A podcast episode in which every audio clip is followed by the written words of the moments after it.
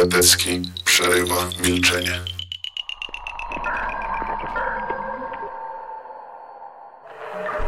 Bartek Biedrzycki czyta klasyka polskiej fantastyki przygodowej.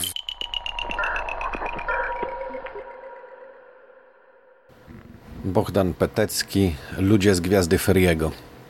Wydawnictwo Śląsk, rok 1974. Poszedłem za ciosem i pierwsze trzy powieści w tym wyzwaniu przeczytałem hurtem. Przez co trochę recenzowanie drugiej, czyli stref zerowych i trzeciej, czyli ludzi z Gwiazdy Feriego stało się dla mnie utrudnione, ponieważ czytałem je bez y, odstępu i trochę gdzieś tam mi się zmieszały, ale teraz myślę, że jestem w stanie to ogarnąć. Ludzie z Gwiazdy Feriego zaczynają się no właśnie, standardowe ostrzeżenie. Niniejsze omówienie zdradza elementy fabuły. E, zakończenia być może nie, ale elementy utworu, także jeżeli e, nie chcesz spoilerów, e, masz zamiar książkę dopiero przeczytać, to jest ten moment, że dobrze jest zrezygnować ze słuchania. Jeżeli już czytałeś, czytałaś, bądź nie przeszkadzają ci spoilery, to zapraszam. Ludzie z Gwiazdy Feriego zaczynają się w e, podobny sposób e, jak strefy zerowe, tylko nieco później. Zaczynają się w momencie, kiedy na planecie, na trzeciej, trzeciej gwiazdy Feriego wylądowała ekspedycja mająca na celu uratowanie innej ekspedycji. Załoga idiomu przyleciała, aby uratować załogę animy.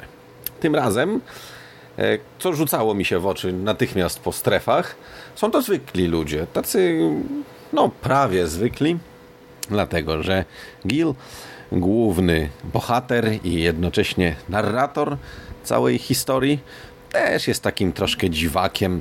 Dzisiaj podejrzewalibyśmy u niego być może zespół Aspergera albo coś takiego. W każdym razie jest trochę inny. Gada głównie do automatów, konstruuje różne urządzenia, kalkulatory, znaczy komputery, syntezatory mowy i najogólniej rzecz biorąc troszeczkę z niego odludek. A z ludźmi gada, no bo są we trzech, ratują zaginioną ekspedycję i musi. Idiom ląduje na trzeciej i stosunkowo szybko udaje im się zorientować, że planeta podzielona jest między dwie rasy. Jedną żyjącą na lądzie, drugą żyjącą w morzu.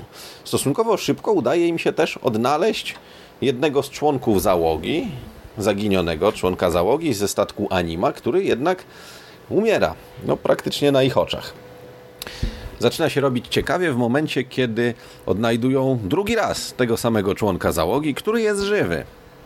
I tutaj zaczyna się to, co tak naprawdę jest według mnie istotą tej powieści. Petecki napisał powieść o ekspedycji ratunkowej. Nic ani szczególnie odkrywczego, ani szczególnie ciekawego.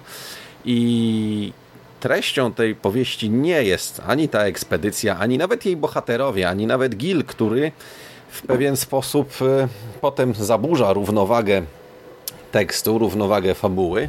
Ani nawet to, że na trzeciej Feriego istnieją dwie odrębne cywilizacje techniczne, które, no cóż, skąd my to znamy, prowadzą ze sobą ustawiczną wojnę. Morze atakuje nadchodzących od strony lądu. Ląd atakuje morze. Morze, kiedy na jego brzegu ląduje anima, korzysta chwytają ludzi i zaczynają ich powielać, a następnie wysyłać do walki przeciwko swoim wrogom z lądu. Nie jest to nic dziwnego, nic nowego. Ludzie dawno opanowali takie motywy wielonarodowe, dywizje, najemnicy, cała reszta. Tutaj oczywiście załoga animy robi to bez, bez e, własnych chęci. Zostają oni skopiowani bardzo dokładnie e, na poziomie molekularnym, także kopie, bo tak mówi o nich potem Gil i reszta załogi idiomu, są w zasadzie do momentu no, stworzenia, poczęcia, jak zwał, tak zwał, identyczni z oryginałami. Jedyne co mieszkańcy morza, chciałem powiedzieć, dają im w darze, ale zabrzmiałoby to szyderczo, to lekkie podkręcenie mm, przynależnej gatunkowi ludzkiemu agresji sprawiają, że ludzie wychodzą z morza i zaczynają atakować naziemców. W związku z tym oczywiście okazuje się, że próby uzyskania kontaktu z cywilizacją naziemną trzeciej ze strony wyprawy idiomu spełzają na niczym, a potem w ogóle okazuje się, że e, cała mm, cała wizyta ludzi na trzeciej zaburzyła bardzo delikatną równowagę. Przypomina mi tu się opowiadanie Trzeci rodzaj równowagi, napisane przez Zajdla o sądzie, która została wpuszczona w atmosferę pewnej planety przez przybyłych z kosmosu przybyszów. No i co się stało, kto czytał, ten wie. Tu też nie będę mówił, stało się dokładnie samo, to nie ma absolutnie znaczenia. Kopie zostają przeniesione na czwartą, gdzie są sprzyjające warunki. Ci, którzy są oryginałami, zostają zabrani na ziemię, ci, którzy są kopiami, zostają zostawieni. Po prostu skazani na banicję, bo całkiem słusznie załoga idiomu podejrzewa, a przede wszystkim Gil, bo on był pomysłodawcą takiego testu, że ci ludzie mogą obrócić się przeciwko własnej rasie, że ta wszczepiona, bądź jak sugeruje Gaz, inny członek załogi, tylko spotęgowana agresja może być niebezpieczna. Tymczasem sam Gil również e, staje się w pewien sposób obiektem tych rozważań po przeszczepie mózgu. Wracamy tutaj do, w zasadzie nie wracamy, dochodzimy tu do problemu, który pojawiał się w fantastyce od bardzo dawna. Najbardziej, tak jak wspomniałem w poprzednim odcinku, był chyba obrabiany w cyberpunku, przy okazji właśnie androidów, cyborgów i całej reszty.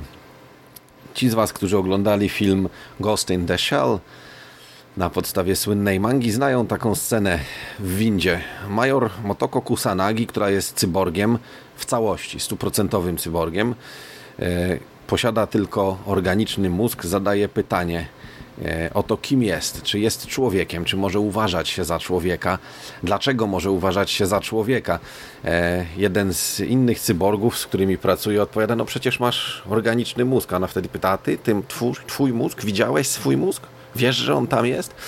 Tego samego typu pytania zadaje Petecki, jeśli chodzi o kopie.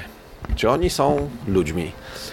Czy istoty do poziomu molekularnego identyczne ze swoimi oryginałami, ale jednak stworzone, mogą być uznane za ludzi? To samo pytanie zadaje najpierw Philip Dick w swojej słynnej powieści, czy androidy Y, śnią o elektrycznych owcach, a potem powtarza je Riddler i Scott w wyreżysowanym na podstawie tej powieści słynnym filmie Blade Runner. Roy Beatty, Leon, Zara, e, wszyscy w zasadzie replikanci typu Nexus 6 zadają sobie pytanie, dlaczego nie mogą zostać uznani dla, za ludzi?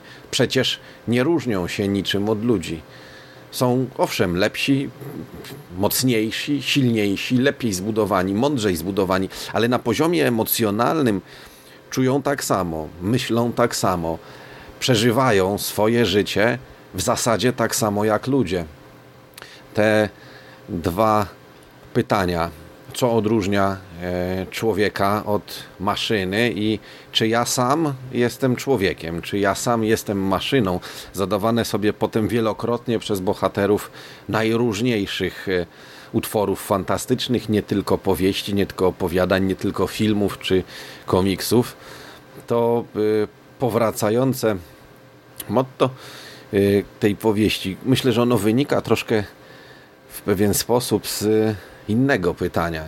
Na czym polega człowieczeństwo? E, kiedy można jakiejś istocie człowieczeństwa odmówić, a kiedy można mu je dać? E, stoimy u progu zadania tego pytania po raz pierwszy naprawdę, bo do tej pory pisarze, reżyserzy, autorzy, rysownicy obrabiali je czysto teoretycznie, ale rozwój technologii, współczesny rozwój technologii pozwalający na przykład na klonowanie sprawi, że już wkrótce będziemy musieli takie pytanie sobie zadać. E, Petecki nie odpowiada na nie. Zresztą e, jego bohater Gil w pewnym momencie rzuca takim stwierdzeniem: Dobrze zapytać, to więcej niż dobrze odpowiedzieć. Petecki nie bawi się tutaj w e, próby odpowiadania na te pytania natury etycznej, ale robi jeszcze jedną rzecz, zupełnie niejako mimochodem, e, oprócz pytania, co konstytuuje człowieka, stawia pytanie jakby dodatkowe, które brzmi również, co konstytuuje konkretnego człowieka. Nie wiem, czy pamiętacie e, ekranizację Frankensteina w reżyserii Kenneta Branaga. Jest bardzo dobrą e, kreacją Roberta De Niro, który wtedy był jeszcze dużo lepszym aktorem niż jest teraz, z kreacją, która zerwała z tradycyjnym make-upem, z tradycyjną wizją potwora Frankensteina. Jest tam taka scena, kiedy potwór siedzi i gra na flecie czy na fujarce, a potem mówi ja nigdy nie umiałem grać na tym instrumencie. Mój mózg nie zawiera tej wiedzy. Która część ciała, bo przypominam, że potwór postrzywany był z fragmentów trupów, która część ciała zawiera tę wiedzę? I tak samo zastanawia się Gil, który po przeszczepie mózgu, po przelaniu całej jego osobowości, cóż, e, ma nagle cudze wspomnienia. Ma wspomnienia jednej z kopii czyli nawet nie człowieka, tylko jakby klona, jakby sztucznie stworzonego organizmu, który tamte wiadomości, tamte wspomnienia, tamte informacje na poziomie komórkowym przeniósł.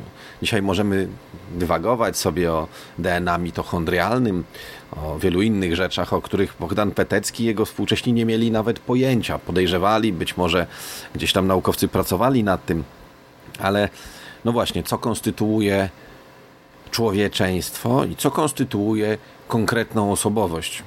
Dla mnie, jako z wykształcenia nauczyciela, odwieczny spór, czyli geny kontra wychowanie. Do jakiego stopnia możemy tu mówić o pamięci gatunkowej, o podobnych zagadnieniach. Pod tym względem ludzie gwiazd, Gwiazdy Feriego, mimo że zakończenie jest w zasadzie otwarte, autor bawi się z nami, podpowiada tropy, pokazuje głównego bohatera, potem zmienia jego sytuację, a na koniec zmienią ją jeszcze raz, pokazując jeszcze coś innego.